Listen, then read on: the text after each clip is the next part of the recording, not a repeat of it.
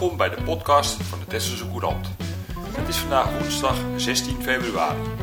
Mijn naam is Joop Romets en dit is het nieuws van deze week. College wil voormalige zeevaartschool behouden. Het college wil niet dat de oude ULO in den Burg wordt gesloopt.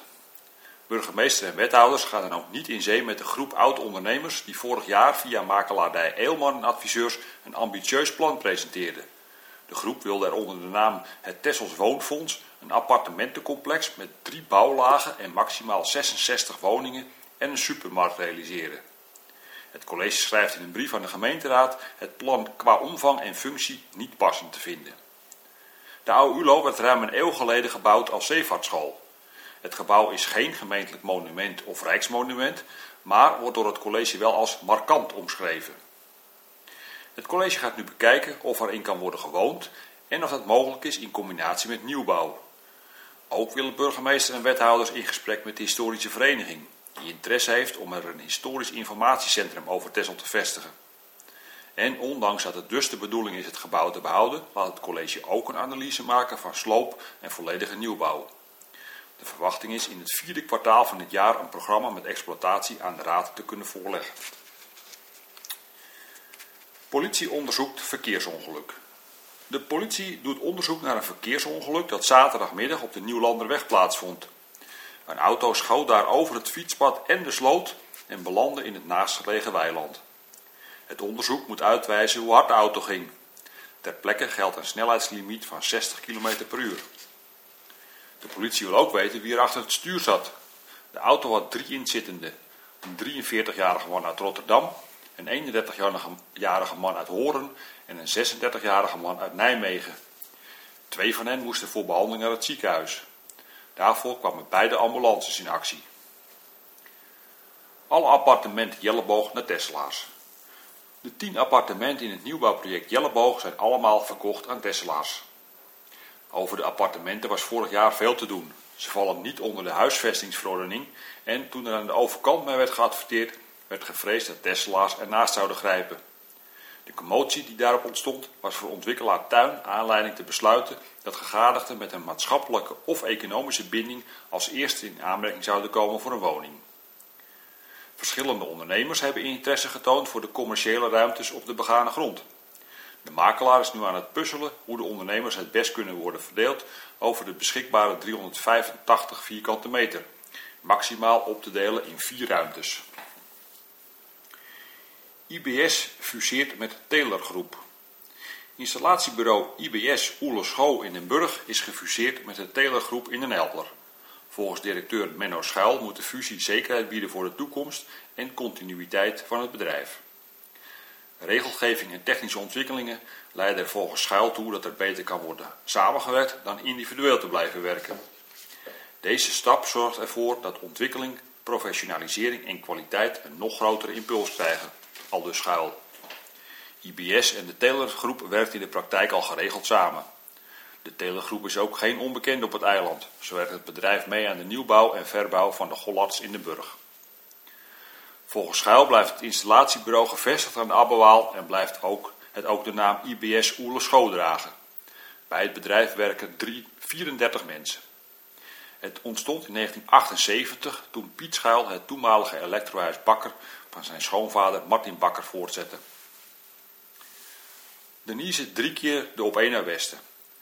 Veldrijdster Denise Betsema is zowel in het eindklassement van de Superprestige als dat van de X2O-trofee op de tweede plaats geëindigd. Eerder werd ze ook al tweede in de wereldbeker. Iedere keer moest ze alleen de ongenaakbare Lucinda Brand voor zich dulden. Sinds september eindigde Denise 25 keer op het podium. Door tegenslagen vielen de prestaties de afgelopen tijd enigszins tegen, maar afgelopen weekend had ze de smaak weer goed te pakken. In Gaveren veroverde ze zaterdag de derde plaats. In Brussel liet ze zondag zelfs het hele deelnemersveld achter zich. Ondernemers tegen opheffen fietspad. Ondernemers van de grensweg in de Dennen zijn fel gekampt tegen plannen van Staatsbosbeheer om het fietspad tussen de grensweg en de Botgrasweg op te heffen. Volgens woordvoerder Mark van den Berg vormt het pad een prachtige route naar het Westerslag en zou het zonde zijn om deze weg, om deze weg te halen. Bovendien druisen de plannen in tegen de ambitie om Texel als fietseiland te profileren. Volgens Van den Berg is Staatsbosbeheer van plan om de Tureluur, het natuurgebied waar het fietspad doorheen loopt, verder te vernatten. Dat zou een positieve werking op de stikstofhuishouding hebben. Elders op het eiland worden fietspaden verbreed, maar dat zou hier lastig zijn omdat het fietspad langs stukjes kwetsbare natuur loopt. De ondernemers werden onlangs over de plannen geïnformeerd door Staatsbosbeheer, met de vraag erover van gedachten te wisselen. Ze zijn unaniem in hun standpunt dat het fietspad niet mag verdwijnen. Volgens Staatsbosbeheer zit het project pas in de verkenningsfase en zijn er nog geen besluiten genomen. Onderzoek vertraagt sloop Jan Drijverschool. De sloop van de voormalige Jan Drijverschool in de Noorden wordt uitgesteld. Het pand zou deze maand tegen de vlakte gaan, maar er blijkt eerst nog aanvullend ecologisch onderzoek nodig te zijn.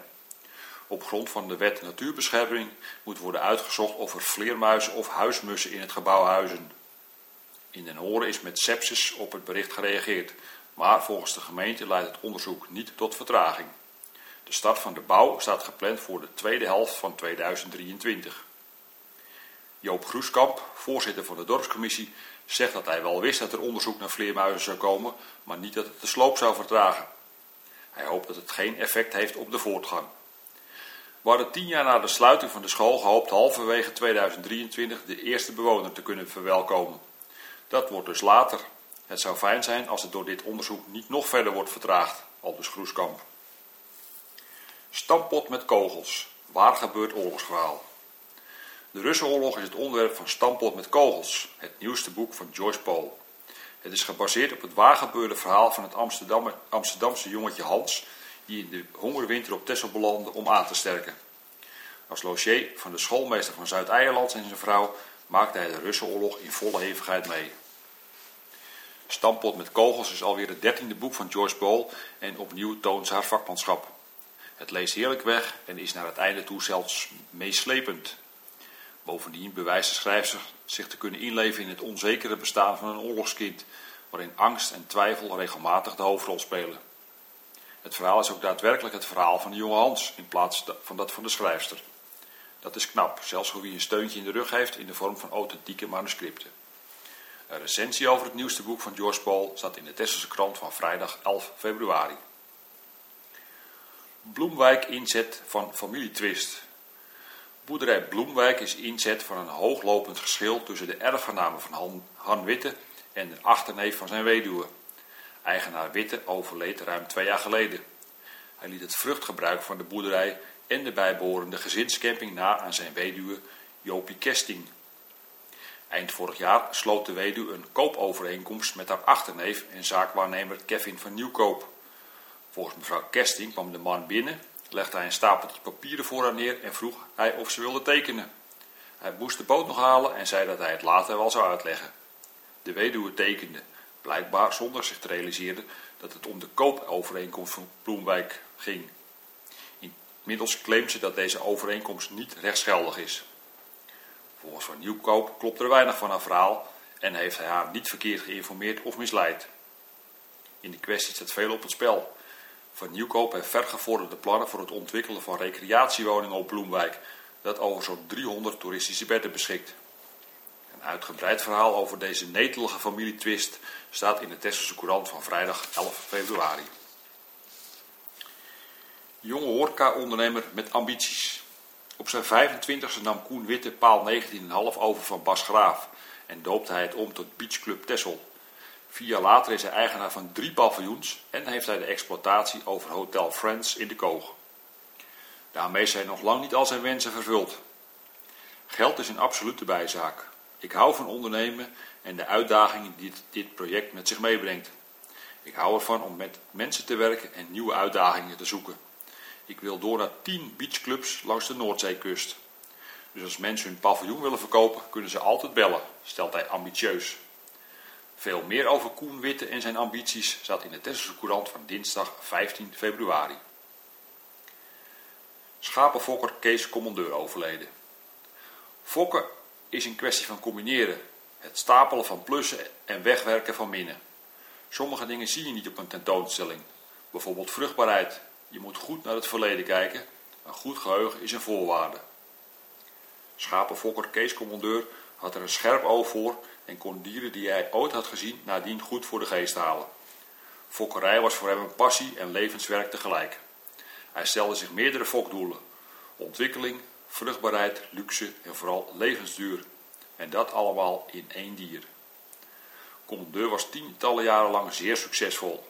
De kwaliteit van zijn dieren stond op een voetstuk. Hij grossierde in prijzen en boerderij De Stolp, zijn thuisbasis in Den Horen, gold als het mekka voor schapenfokkers. Kees Commandeur overleed vorige week maandag op 76-jarige leeftijd. In de Tesselse Courant van vrijdag 11 februari staat een in memoriam over hem. De Tesselse Courant verschijnt twee keer per week en staat steeds boordevol nieuws, reportages en achtergronden. Neem ook een abonnement op de lokale krant van Tessel. Kijk op www.tesselsecourant.nl voor de mogelijkheden. Bellen kan natuurlijk ook. Tijdens kantooruren op nummer 0222 362 600.